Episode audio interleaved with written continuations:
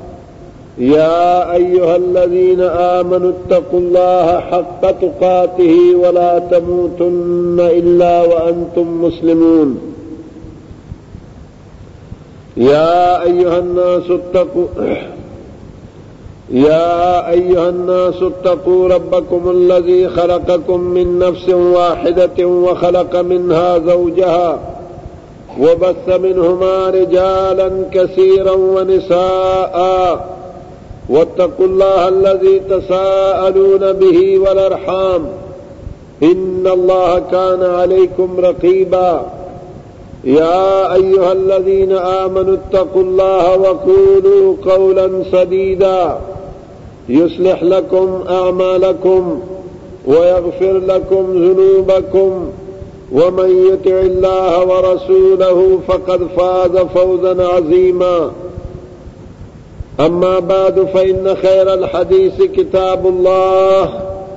وخير الهدي هدي محمد صلى الله عليه وآله وسلم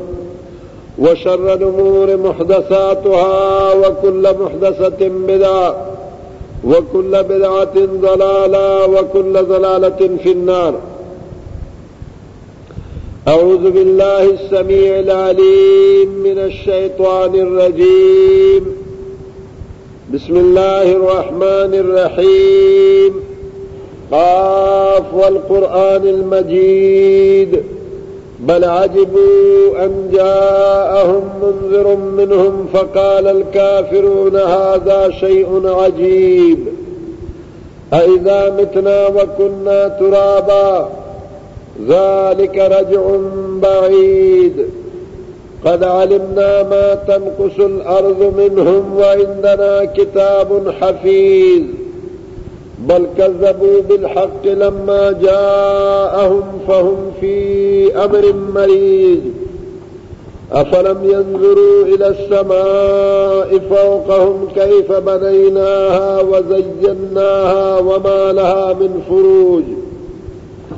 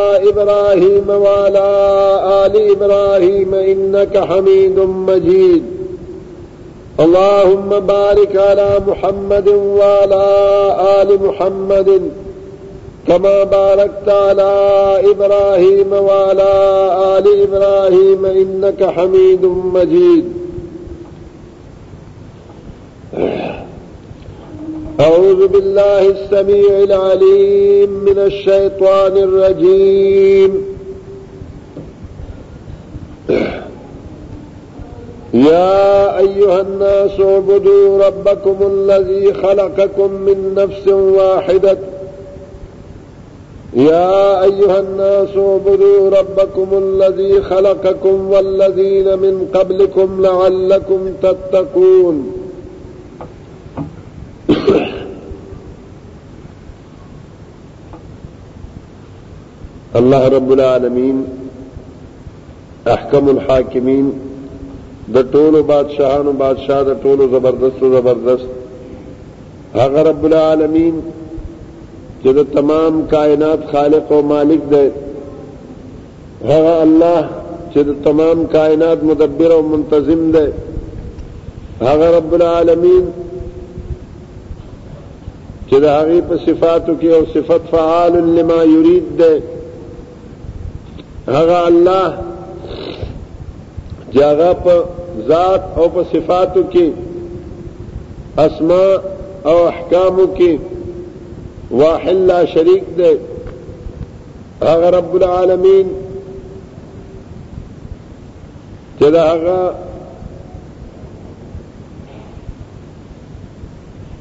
خپل د بندگانو هدایت د پاره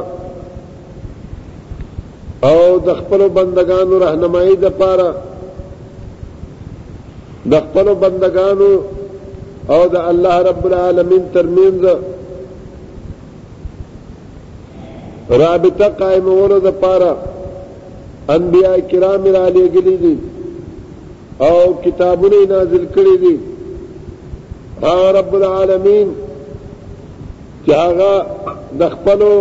مطیع بندگانو لپاره جنتونه او نعمتونه تیار کړی دي او د خپل نافرمانو بندگانو لپاره جهنم او عذاب تیار کړی دی محمد رسول الله صلی الله علیه و آله وسلم باندې دا الله رب العالمین لکونو کرونو رحمتونه دی چې هغه مونږ ته دا الله رب العالمین ذات او صفات دا الله رب العالمین اسماء او احکام خود لري او دا الله رب العالمین د دین هغه طریقې او هغه لارې راته ښودلې دي چې د هغې کولو سره د الله رب العالمین د رحمتونو او د نعمتونو مستحق ګرځېدی شو او داسې لارې ګذرې هم راته ښودلې دي چې د هغې په پرېښودو سره او په نه کولو سره مونږ د الله رب العالمین د عذاب او د ګرفت نه پې بچېدی شو زما محترم و معززو الله رب العالمین دا انسانان چې پیدا کړی دي د هغه واحد غرض صرف او صرف یو غرض داو چې الله د الله رب العالمین بندگیو کی او د الله رب العالمین توحید او پیژني صرف د اطاعت د پاره او فرمان برداری د پاره صرف د بندگی د پاره د الله رب العالمین نور مخلوقات ډیرو دا اطاعت فرشتو هم کولو چې د انسانانو نه مخکې الله رب العالمین فرشته او جنات پیدا کړو فرشتو هم د الله رب العالمین اطاعت کو او جنات هم داسې و چې د الله بندگی کو خو الله رب العالمین داسې یو مخلوق پیدا کړو چې هغې کې د اطاعت او د نافرماني دواړه مادې پکې کېښودې او مکلف یې وګرځاو الله دا غوښتو چې دا مخلوق چې کوم ما پیدا کړی دی دغه ما وپېژني زما وحدت وپېژني زما یووالی وپېژني زما قدرتونه وپېژني او زما رحمتونه او زما عذابونه وپېژني نو دغه مخلوق چې انسان په نوم دی دغه خالص د خپل توحید لپاره د خپل ربوبیت د ظهور لپاره او د خپل قدرت او خالقیت د اظهارولو لپاره پیدا کړو چې دې انسان او دغه مخلوق چې کوم انسان ورته ویل کیږي د دې په سبب سره الله رب العالمین او پیجندش تمیز یې ورته ورکړو، عقل یې ورته ورکړو، شعور یې ورته ورکړو او ماده د اطاعت او د عصیان یې ورکړو او ورته دا وویل که دا د عصیان ماده استعمال کړي د نافرماني ماده استعمال کړي نو جهنم دې ځای دی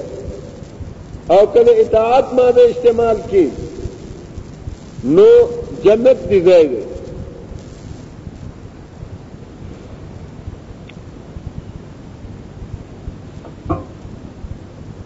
انسان مکلف کولو سره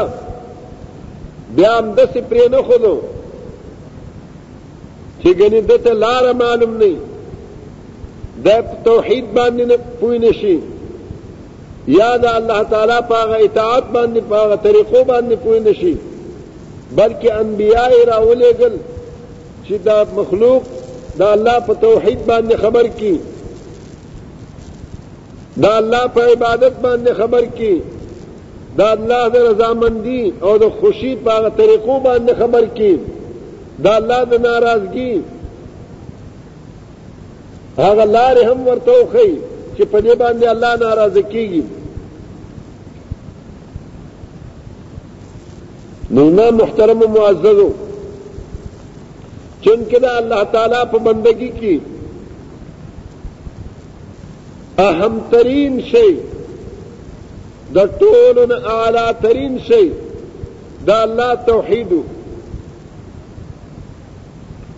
نو انبیاء کرام سلسله چې الله جاری کړو د خپل کتابونو سلسله چې الله جاری کړو نو انبیاء باندې د ټولو نه مخکې ډیوټي اولنۍ ډیوټي دا ولګولو چې تاسو به د الله رب العالمین توحید بیانوي دا الله لوی به بیانوي دا الله عظمت او جلالت به بیانوي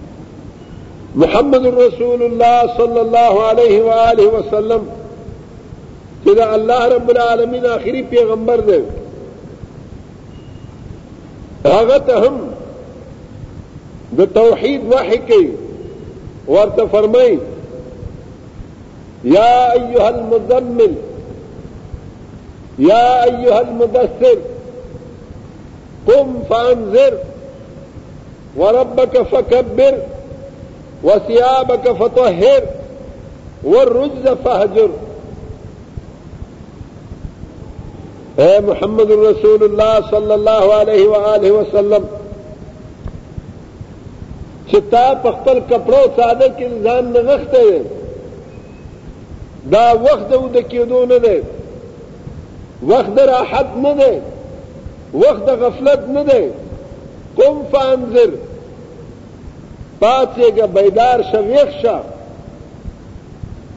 قوم وویروه د قوم په زړه کې د مخلوق په زړه کې د غیر الله عظمت د غیر الله لوی د غیر الله خوف د غیر الله عبادت د غیر الله تعظیم او تکریم د غیر الله نظر او نیاز پروت دی نو ته څه چل وکړه وربک فکبر د خپل رب لوی بیان کا د مخلوق په زړه کې د الله لوی د الله جلالت د الله عظمت د الله عبادت دا الله اطاعت او فرمان برداری کې نه و چې د دوی د زړونو نه د مخلوق نه خیر او شر د مخلوق نه د نفع او د ضرر د مخلوق نه د ورکړې او د اخستو دا تمه ختم شي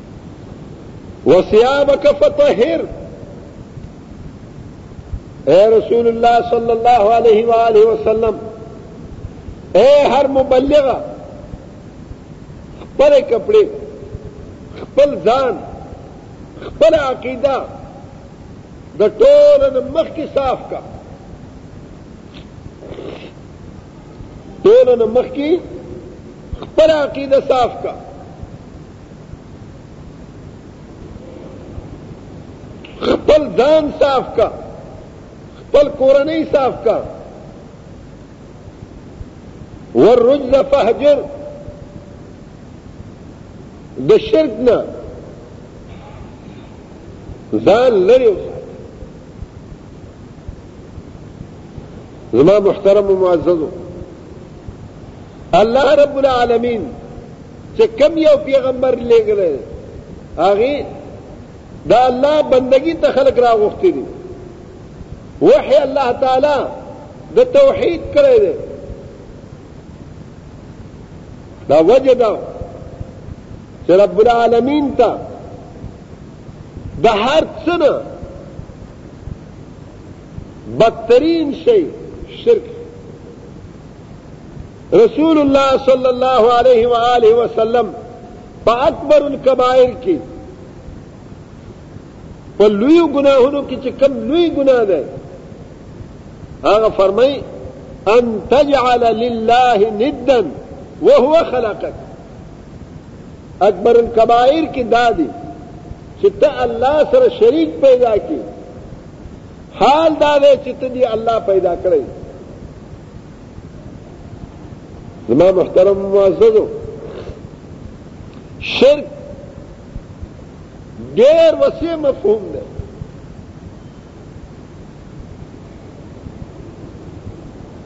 زمونږ د نن سبا مسلمانانو خیال دا دی چې شرک صرف دا دی ځان له یو بت جوړ کی هغه بت ته سجده کوي دغه بت نه غواړي هغه بت ته را مدد شوی دغه بت ته سجده کوي او منځونه کوي دغه شرک دی او د دین علاوه هر څه چې کوي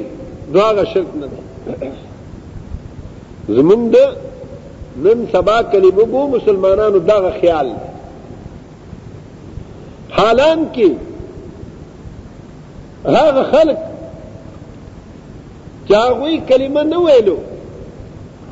د محمد رسول الله صلی الله علیه و آله وسلم دشمنو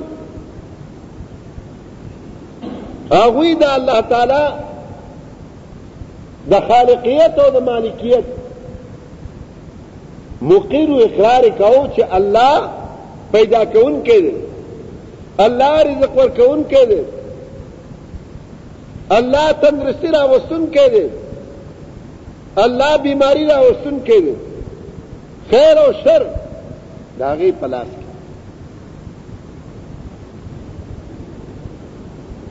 دا عقیده د هغوی هم وو خو ورسره ورسره دا عقیده ساتله چې دا ټول کارونه الله رب العالمین خپل مخلوقاتو کې نیکانو بندگانو ته انبیاو ته اولیاو ته سپارلی دی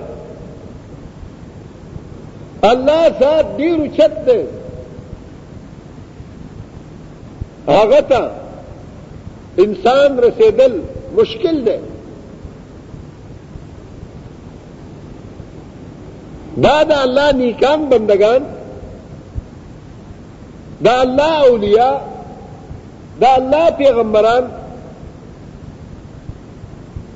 د دوی اطاعت د دوی فرمانبرداري او د دوی نظر نیاز د دوی پوجا پاټ سره مونږ الله ته رسېدی شو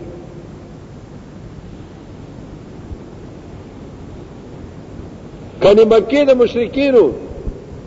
الله رب العالم محمد رسول الله صلی الله علیه و آله وسلم سره په دې جګړه نه و چې ګني هغوی د الله تعالی وجود نه منلو یا د الله تعالی د طرف نه د پیغمبرانو راتګ هغوی نه منلو یا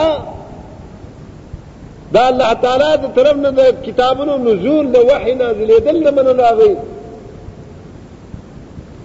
يا هغوی د کامن د سکون منکر وو؟ نه، هغوی هر څه منلو. لکه چې نن سبا مونږ الله خالق او مالک منو خو الله سره پلانې بابا هم شریک وو پلانې میا صاحب هم شریک وو پلانې ولی صاحب هم شریک وو پلانې زیارت والا هم شریک وو څوک هم د باد ذمه وار ګڼلی دي څوک هم د ننکو ذمه وار ګڼلی دي څوک د ودونو ذمه وار هم ګڼلی دي څوک هم د اولاد ذمه وار ګڼلی دي او څوک هم د تبي او د ننکې ذمه وار هم ګڼلی دي همدارنګه هغوی هم دغسې ګڼلو الله د خالقیت او د مالکیت هغوی مقر وو هغوی د دې اقرار کوو چې الله رب العالمین پیغمبران لیږي او کتابونه هم لیږي لکه نن سبا چې مونږ په دې اقرار سره چې الله پیغمبران را لېږلي دي او الله پاک دا قرآن را لېږلی دی لیکن مونږ تعلیمات د هغه پیغمبرانو تعلیمات دې دې قرآن قانون دې دې قرآن مونږ پرې خره پسې پښتم غورځولای اندارنګ هغوی هم سره دې خبرې نه چې دا الله رب العالمین د کتاب اقرار کو چې الله تعالی د اسمان د کتاب را لېږي پیغمبران را لېږي ګنې دا یاد وساتئ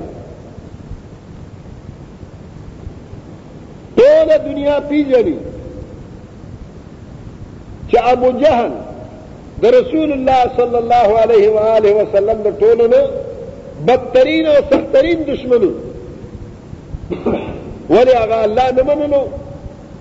الله یې باقاعده منلو دا الله عذابونو اقراري وو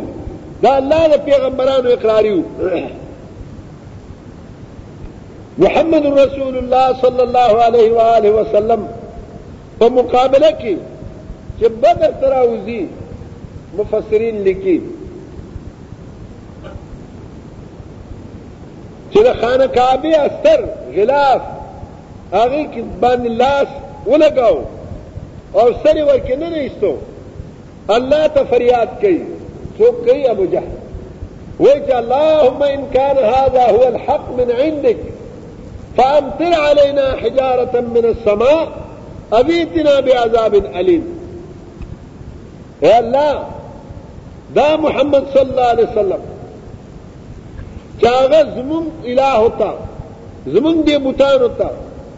کنځلې کولې، برباد یې ویلې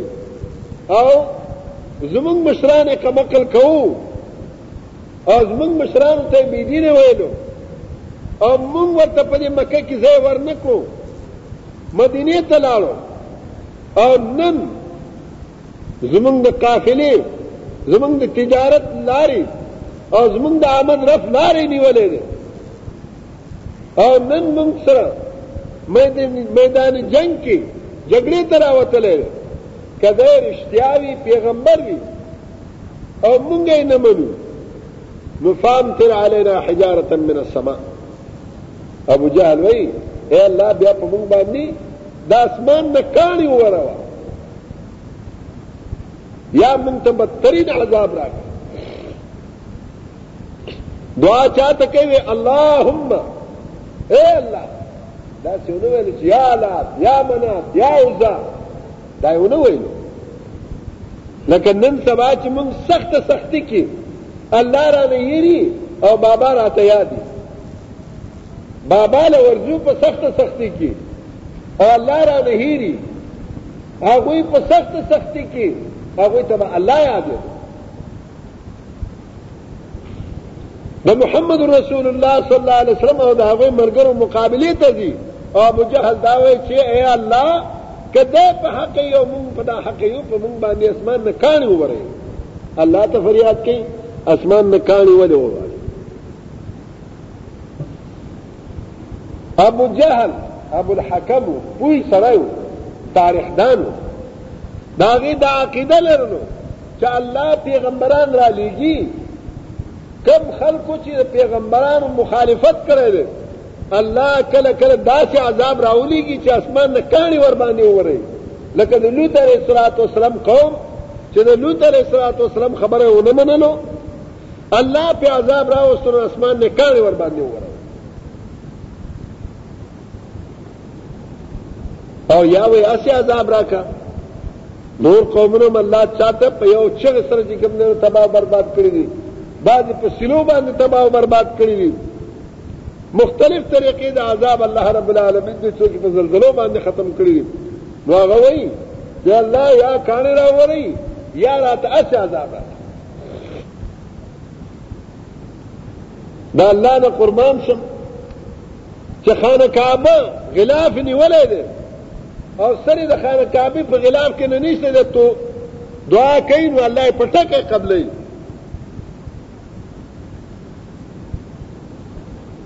چې بدر میدان ته ورسېدو خپل مردار شو نور پوره اویا کسان مشران د قریشو ټول مردار شو اویا کسان یې لاس نیولي تړلي ول بوتلل نو الله عذاب چې کوم ابو جهل غوښته او هغه ولا ورک دا الله مونږ ته وایي دارنګ مکه مشرکینو دا الله وجود نه منکر نه وو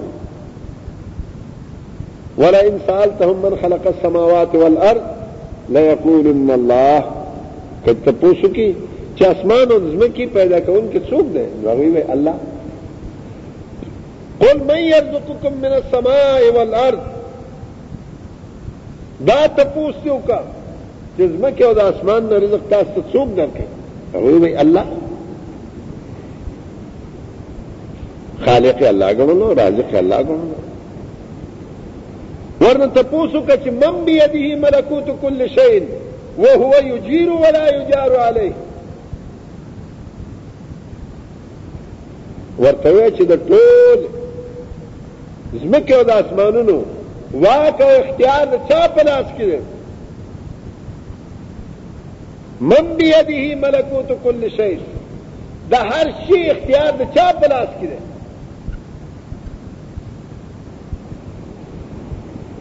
او هغه ذات څوک دی یجیر ولا یجار علیه د ظالمانو نه ټولو مظلومانو ته پناه ورکولی شي هر قسم مظلوم ته د هر قسم ظالم نه پناه ورکولی شي لیکن الله د گرفت نه څوک پناه نشي ورکولی الله چې څوک ونسي الله چې چاته عذاب ورکوي د الله د ګرفت نه څوک پناه نه شي ورکولی او د مخلوق د ګرفت نه هغه ذات پناه ورکوي هغه څوک دی الله وایي چې زر دی چې دوی به وایي چې یو الله دی بل څوک نشته دا د چا عقیده الله بیانوي د مکې د مشرکانو عقیده بیانوي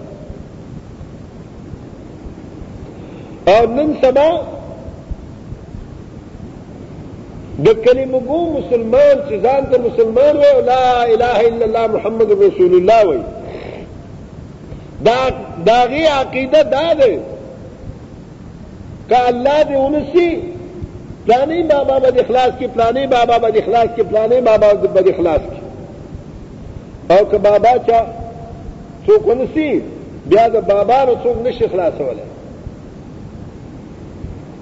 نن سبا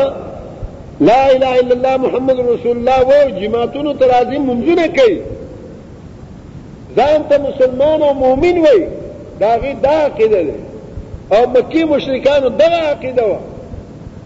چې هغوی ویل د الله نه سوا بل څوک نشته الله چې څوک ونسي هغه ته څوک پناه نشي ورکولی او د مخلوق د گرفت نه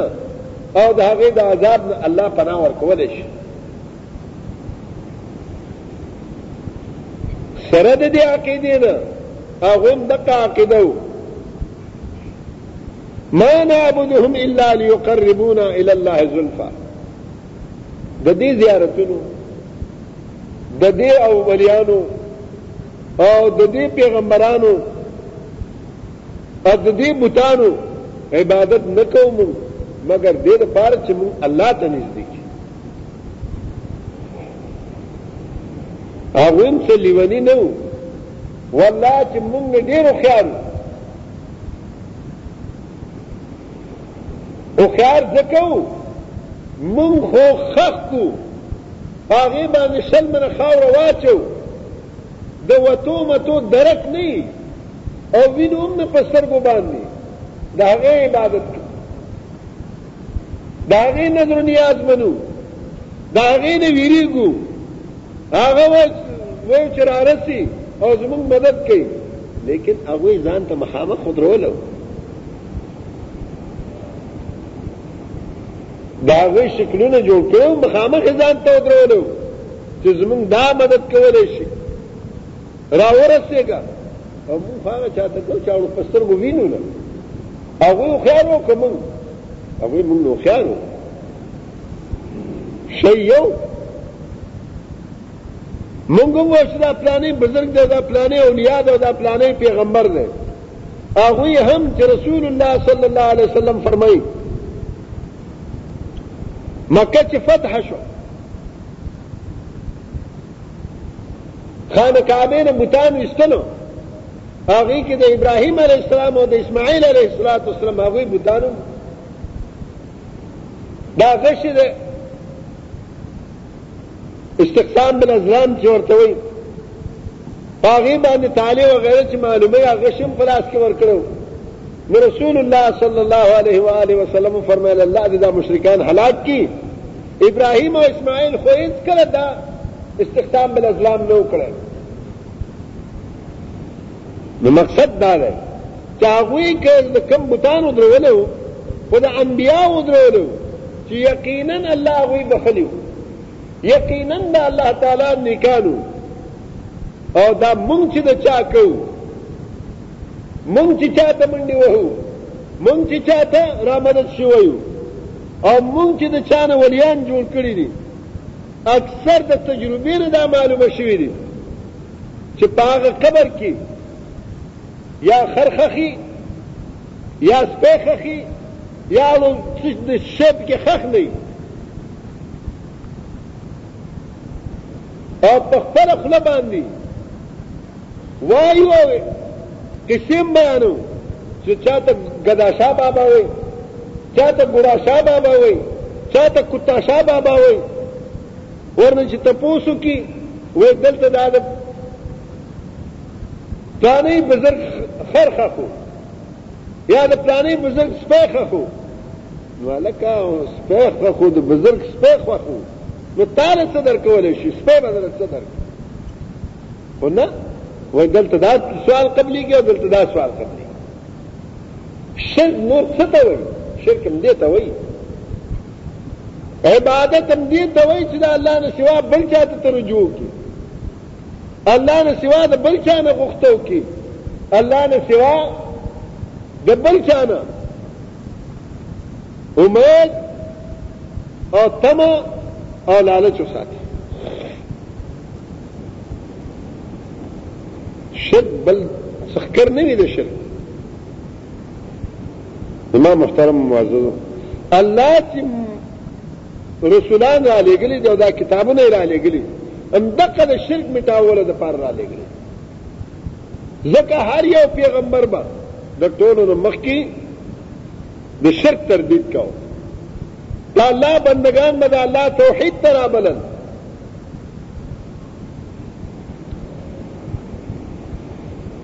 او د توحید د منلو او د شرک نه بیزاری نه وروسته نور احکامات خلکو ته رسول الله صلی الله علیه وسلم او نور پیغمبرانو ښودلي د دې نه عبرت اخیستل پکار دی چې رسول الله صلی الله علیه و آله وسلم د نبوت ژوند درویشت کاله د نبوت ژوند درویشت کاله په دې درویشت کاله کې دیارلس کاله صرف او صرف رسول الله صلی الله علیه و آله وسلم توحید مسله بیان کړه د شرک مذمت بیان کړه او دا لس کاله توحید او نور احکام رسول الله صلی الله علیه و آله وسلم بیان کړه د توحید دومره اهمیت ده او د شرک دومره قباحت دی نو هر یو مسلمان له پکار دی چې دا خیال وساتي ذهن صاف کی ځکه چې سبا په ورځ د قیامت کې مونږ الله سره مخامخ کېدون کې الله به مونږ د خپل توحید تپوس کوي دا یاد وساتئ، انسان چې هر څومره نیک وي، هر څومره عبادت گزار وي، هر څومره مصلح وي، هر څومره نرم مزاج وي، هر څومره چې دی صلح مې کوونکی وي او د الله تعالی بندګانو سره ښېګړه کوونکی وي او هر وخت تهجد ګزار او هر وخت روزه دار لیکن چې د هغې دماغ د شرک نه هغې زړه د شرک نه پاک نه وي د ده دا ټول تهجد دا ټول منځونه دا ټول حجونه دا ټول خیر و خیرات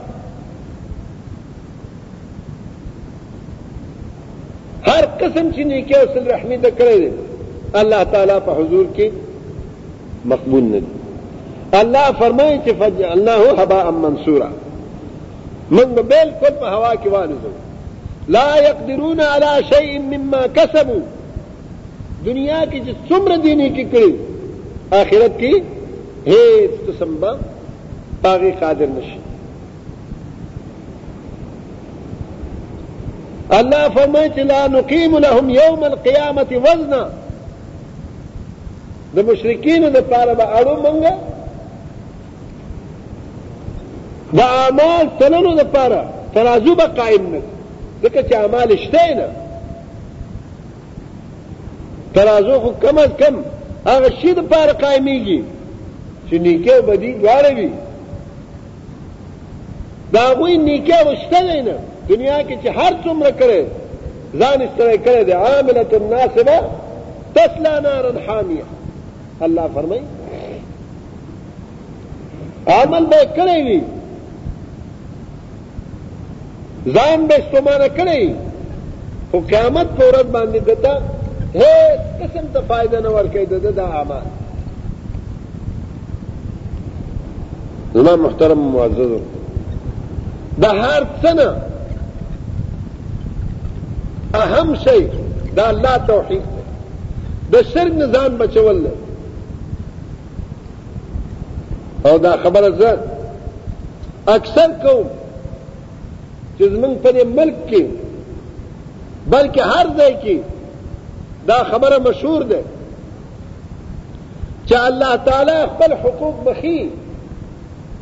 او د مخلوق حق نه بخي واقع مسله هم دغه ده خو الله رب العالمین خپل حقوقو کې یو حق داسې دی چې هغه بنده ته نه بخي څنګه چې د مخلوق حق نه بخي دارنګه الله رب العالمین په خپل حقوقو کې یو حق نه بخي هغه د توحید حق دی چا چې توحید پامال کړی وي او دغه توحید حق چې کوم د الله دی دا یې ضایع کړی وي دې ته نقصان رسولی وي هغه الله نه بخښي رسول الله صلی الله علیه و آله وسلم معاذ بن جبل ته فرمایي واله اے معاذ اتدری ما حق الله علی عباده تا ته پته شته ده چې د الله تعالی حق په خپل بندگانو څه شی دی معاذ فرمایي چې الله ورسوله اعلم الله د الله تعالی رسول په خپوي رسول الله صلی الله علیه وسلم فرمایل حق الله على عباده ان يعبدوه ولا يشركوا به شيئا د الله حق په خپل بندگانو باندې دا دی چې د یکی او الله عبادت وکړي او الله په عبادت کې هیڅ څوک ورسره شریک نه کړي کله چې دوی دا کار وکړي نو د بنده حق په الله باندې دا دی الله يعذبهم چې عذاب ولا ورکړي دا توحید د الله حق دی که څوک دا توحید پامال کړي خراب کړي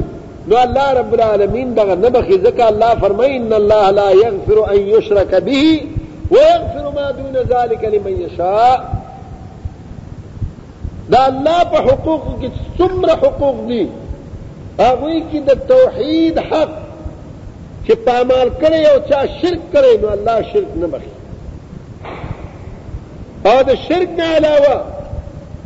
نور هر قسم چې حقوق د الله تعالی په ذمه د بنده باندې واجب شوی لازم شوی وي فرض شوی او هغې کې د کوتاهي راوستی وي نو کېدای شي چې الله خوښه شي او ویې بخي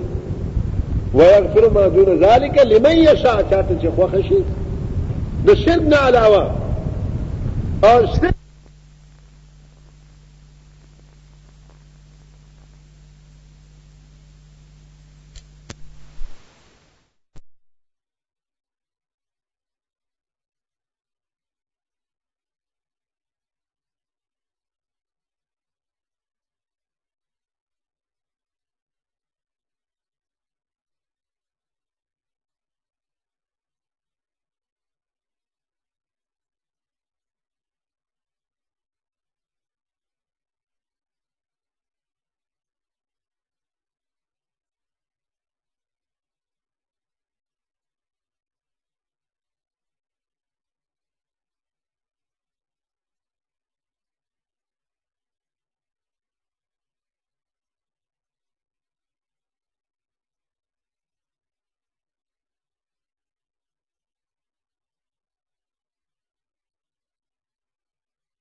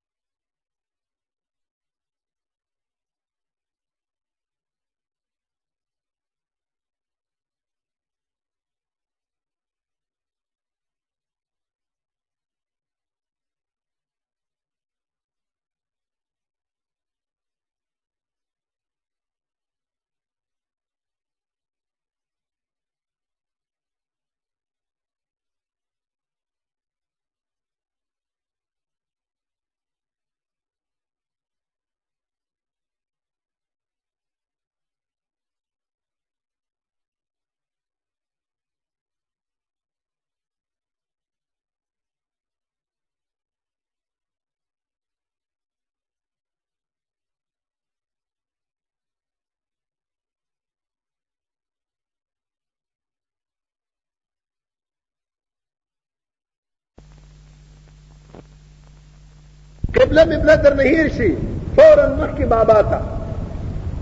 خاص کر تاسو ګندبیانو خو مخامخ قبله د مخامخ درولې ده کنه یکدم مخکې هغه ته چې زما دا کار جوړ شي دغه شرک دی بیماری دي کور کې وي یکدم ورشه د هغې نه سوال کوي یا هلته څاروی حلالوي یا هلته څه شی نظر و نیاز ګڼي دا ټول شرک یا د الله د نامې نه سوا د کوم بابا په نوم باندې قسم کوي دا شرک نو الله رب العالمین د داسې انسان چې مونږ هم کوي او هغه ته هم مخ کوي او هغه ته هم وای چې را مدد شه او الله ته هم وای چې را مدد شه نو دا دغه انسان الله سره دا بل څوک شریک کړو چې څنګه الله ته را مدد شي وي هغه ته هم را مدد شي څنګه چې د الله نه ویره کوي د هغې نه هم ویره کوي څنګه چې د الله نه تمه کوي د هغې نه هم تمه کوي حالانکه الله فرمای و ان یمسسک الله بذر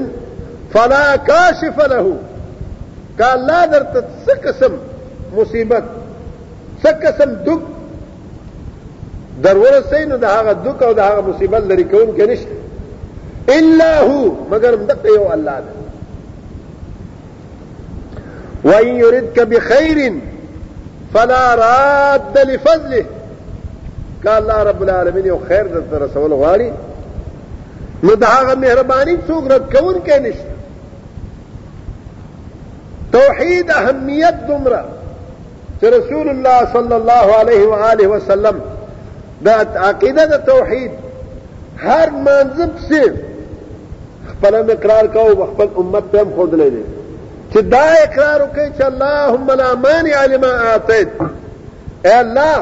ته چې چاته څور کې د هغه رکاون کې او د هغه منې کون کې نشته ولا معطي لما منعت اے الله چې ته څور کې چاته د هغه منې کون کې څوک نشته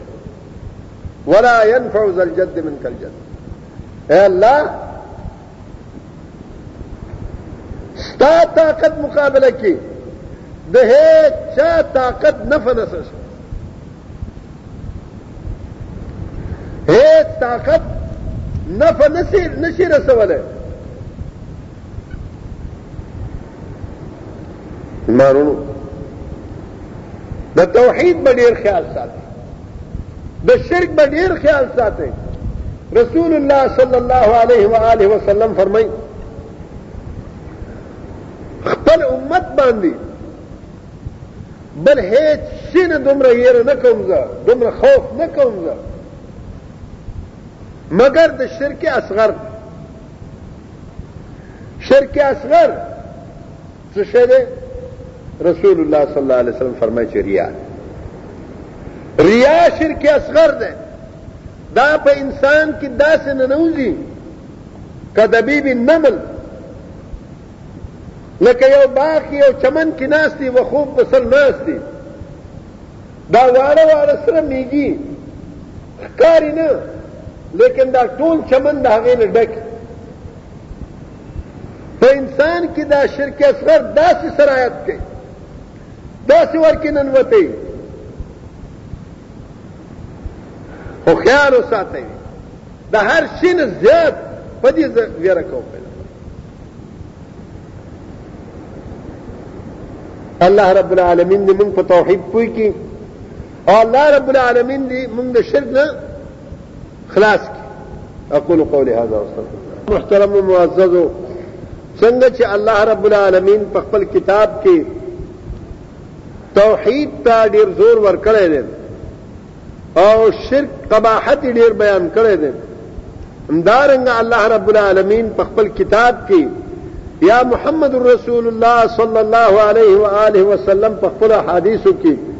اهميت چې کوم مانځه ته ورکړی دی بل هیڅ شي ته دومره نه دی ورکړی دغه وجه ده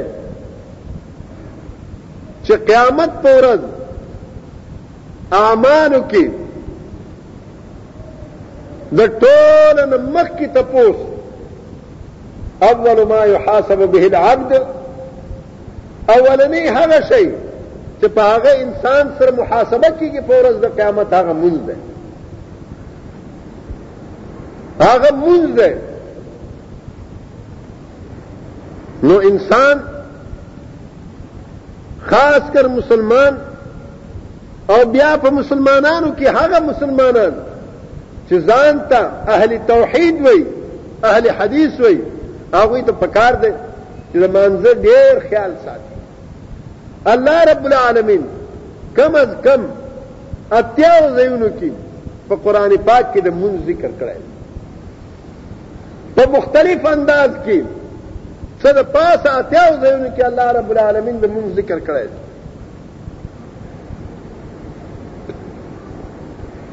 رسول الله صلی الله علیه و آله وسلم ته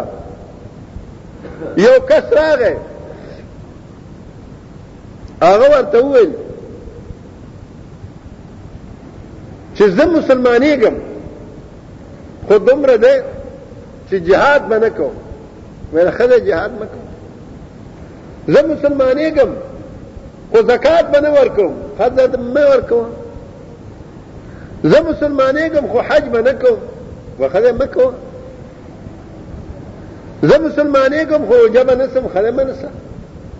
وای زه مسلمانې کوم خو موږ بنه کوم رسول الله صلی الله علیه و آله وسلم فرمایي چې لا خیر فی دین ليس فيه رکوع و سجود هغه دین کې او خیر نشته چې هغه کې رکوع او سجده نه وي دا وجه دا وه کنې رسول الله صلی الله علیه وسلم دا نه ویل چې جهاد مکوه روزه منسه حج مکوه زکات مو ورکوه ګنې دا شیونه ورکول کول ښه نه دي یا باغ نشته که څوک یې نه کوي نه مقصد د رسول الله صلی الله علیه وسلم دا و چې مؤمن یو انسان مسلمان شي مونږ ور باندې فورا په مغه ورځ باندې فرض دی نن مسلمان شو نن ور باندې مونږ فرض ده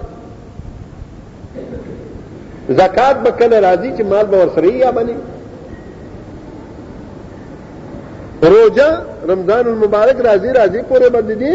زړه کې دا ایمان پوښ شوی خپل به وایي چې روزه نه سم حج موقع کله مالدار کیږي نو هغه وخت پورې به د زړه کې خپل ایمان پوښ شوی مقصد د رسول الله صلی الله علیه وسلم دا و چې دا مونږ داسې شی دی چې څنګه مؤمن مسلمان شي انسان مسلمان او مؤمن شي په مکه سات ور باندې فرض کیږي او یوازې دا نه بلکې په ورځ کې پنځه کرت ور باندې فرض کیږي ذکر رسول الله صلی الله علیه وسلم فرمایله لا خیر فی دین ليس فيه رکوع و سجود په هغه دین کې هغه خیر نشته چې هغه کې رکوع او سجده نه وي مونږ پې کړی ما محترم معزز د مونږ ډیر اهمیت دی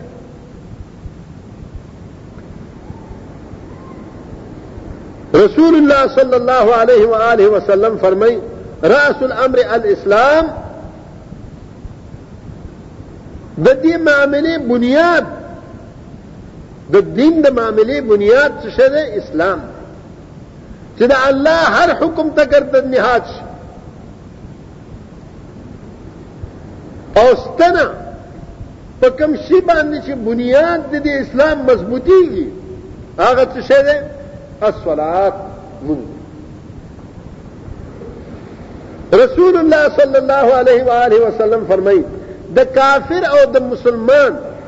په ميز کې فرق تمیز کم یو شی دی مونږ دی که مونږ کاو خو مونږ به پیژنو چې دا مسلمان دی او که مونږ نه کاو مونږ به نه پیژنو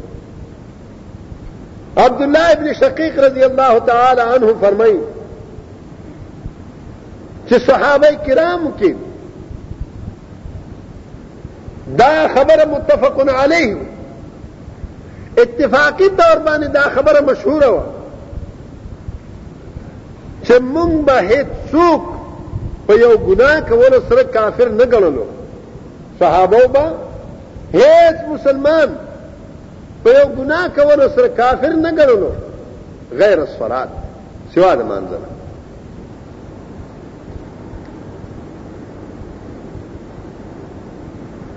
د اعمالو کې هیڅ یو عمل پر خودو د وجه نه مونږ څوک کافر نه ګڼلو سوا د مونږ مونږ په پر خودو سره مونږ سره کافر ګڼل خیال وکړئ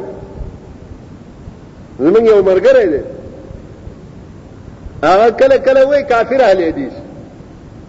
هلکه وای کافر اهل حدیث څنګه یې مونږ نه کوي خو کافر شو چې کله یې کوي نو د اهل حدیثو په طریقه یې کوي نو دا زما په نیز باندې کافر اهل حدیث دی مقصد دا دی چې د مانځه دومره اهمیت دی چې پیغمبر د اسلام او د کفر په منځ کې تمیز مونږ ګرځولی دی په مونږ سره فرق راتلی شي چې دا مسلمان دی او دا کافر دی زما محترم معززو دا مونږ چې دومره اهمیت دی د یاد ساته چې رسول الله صلی الله علیه و آله وسلم کله ځان نه نه کړی په خپل عمر کې د رسول الله صلی الله علیه وسلم دا خبره ثابت نه ده چا هغه ځان له مونږ کړی فرض مونږ ځان له کړی بغیر د جماعت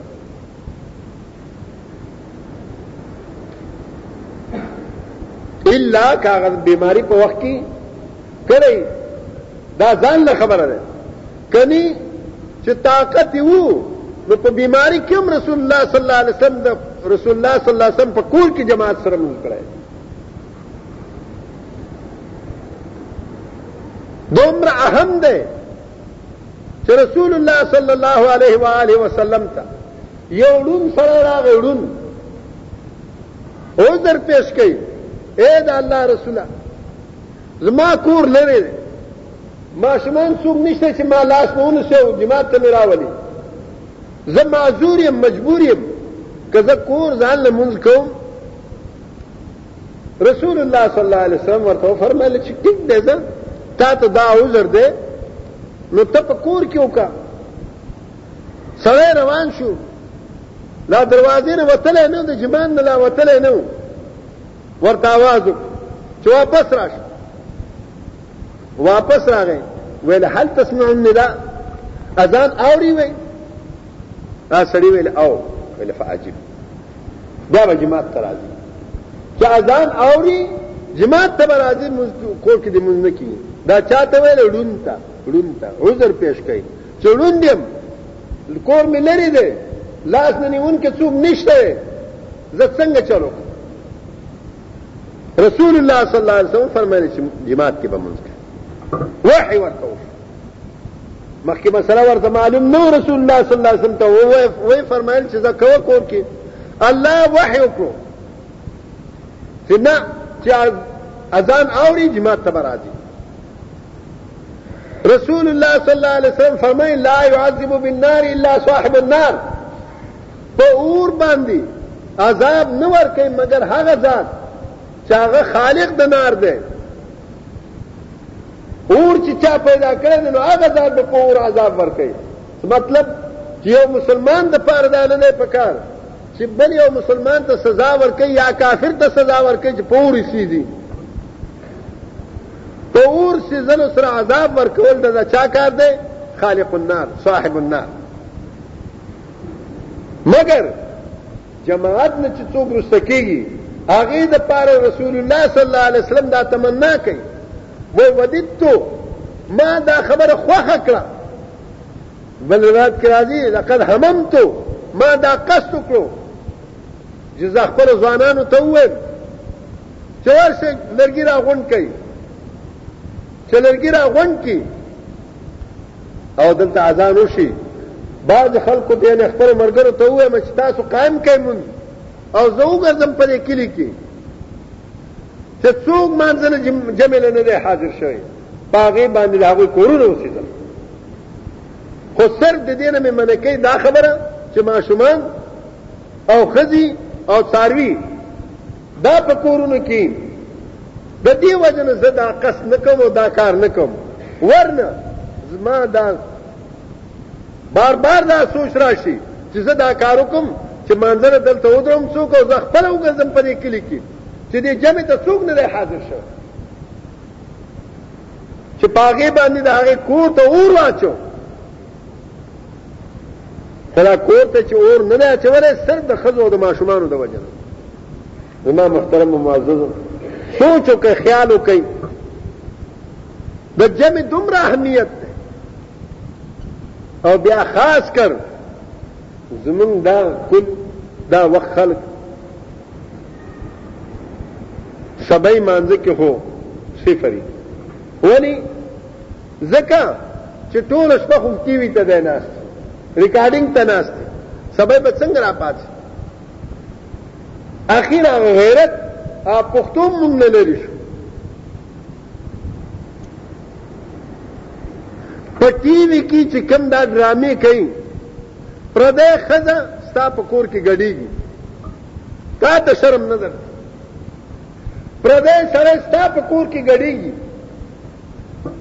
که زه ستا کور ته اوسم داسې درشم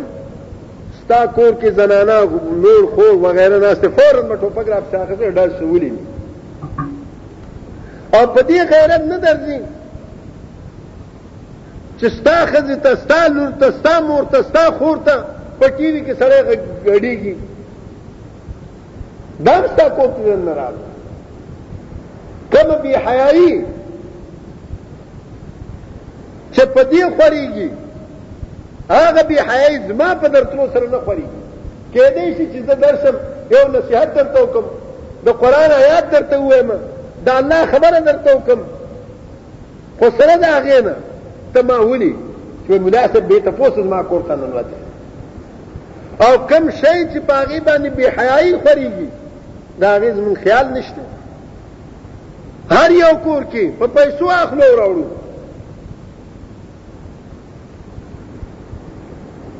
نو ټوله شپه خو ټي وي ته ناست سبای مانځل نه شي پاتې مفتن مانځه ته هم ځکه نه راځي چې ټي وي هغه پروګرام ته خرابېږي پروګرام قتل دې لپاره ضروری نه میچ دې پکې پلانې دې پکې پلانې دې پکې حالان کې رسول الله صلی الله علیه وسلم فرمایي چې اسقل الصلاه علی المنافقین په منافقین باندې درنترین من سخترین من څه شی مخصن او سبعی سبعی من او مخصن من رسول الله صلی الله علیه و آله وسلم فرمایي چاته دا پته وي چې سبای مانځ کې په جمع سره مونږ کول کې څومره ثواب ده او د مخصن مانځ په ثواب یعنی جمع سره مونږ کول کې څومره ثواب ده لا اتوهما ولو حبه دې دوالو ته براغله وې دا خلک اگر چې په خاپوړو باندې راتله خامخا به ونه راغله عبدالله ابن مسعود رضی الله تعالی عنہ فرمایي چې رسول الله صلی الله علیه و آله وسلم موږ د پاره څه سنن مقرر کړی دي کچرته تاسو دا منځونه په هغه ځایونو کې ونه کوي چې کوم ځای کې اذان کیږي په یو روایت کې راځي چې لا زللتم گمراهان بشئ په بل روایت کې راځي چې لکفرتم کافر بشو تو کوئی عبداللہ ابن مسعود رضی اللہ تعالی ما خپل ځان لیدلې دی عبداللہ ابن مسعود چې د رسول الله صلی الله علیه وسلم په زمانه کې صحابه په زمانه کې جمع مونږ به هیڅوک نه پاتې کېده ما داسې لیدلې دی چې د دوو کسانو به یو به یو تخر کې او بل به بد تخر کې د بیماری د لاسه نشو راتلې او د خپيو به چې کوم دی نو په دې لاره کې په ځمکه کې کرښې راښکلې را به اوسته شو صف کې به کېنولی شو او جمع سره به مونږ کوو او وما يتخلف عنها الا معلوم النفاق عبد الله ابن مسعود فرمایي چې زمونږ زمانه کې د جمع نه نه پاتې کېږي مګر داسې سړی چې هغه به ټولو ته معلوم و چې دی منافق دی کوم سړی چې مغموس او داغدار به په نفاق سره هغه به پاتې کېدو هغه نه علاوه بل څوک جمع نه نه پاتې کېدو زما ورونو د توحید خیال وساتئ د مانځه خیال وساتئ د جمع خیال وساتئ خاص کر زتا سه الیدیسو ستاسو ډیر اوچته دعوه ده او یقینا دا دعوه ډیر اوچت ده او یقینا بغیر د دعوه نه دا ډیر اوچت شی ده دا الله فضل و کرم ده په تاسو باندې چې الله تاسو د خپل کتاب ته او د محمد رسول الله صلی الله علیه و آله وسلم حدیث ته کېنولي او د هغه تابعداران ګرځولي، خو دا هم د پیغمبر د حدیثو تابعداري ده، په جمع سره لمونځ کول او پنځه وخته لمونځ نه پرېښودل، نو د دې خیال وساتئ، الله رب العالمین دې موږ ته د عمل کولو توفیق راکړي، اقول قولی هذا واستغفر الله لي ولکم اجمعین، سبحان ربک رب العزة عما یصفون وسلام علی المرسلین والحمد لله رب العالمین. حي على الفلاح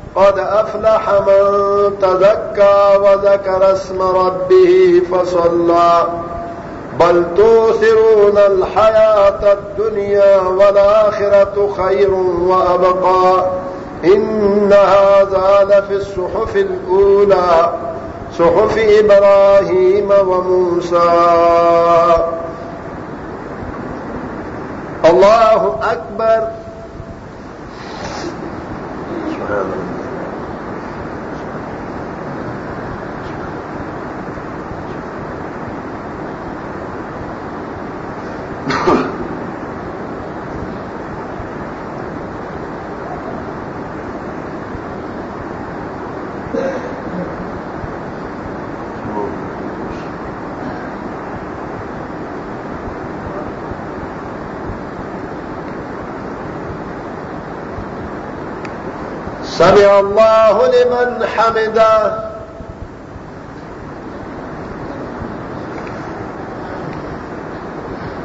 الله أكبر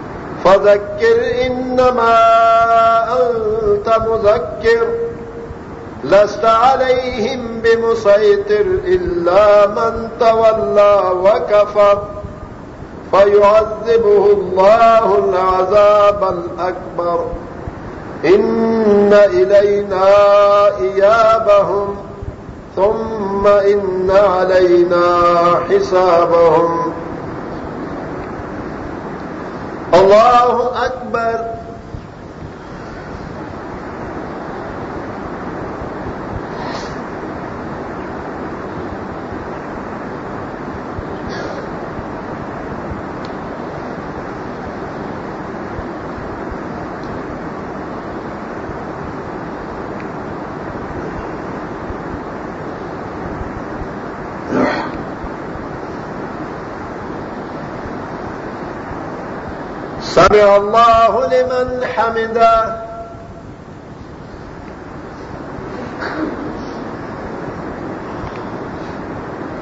الله أكبر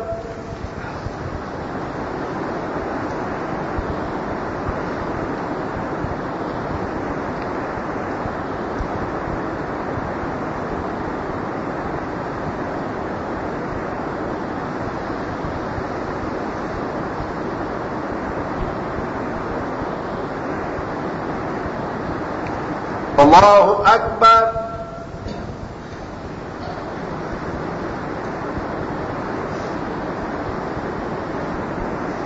الله أكبر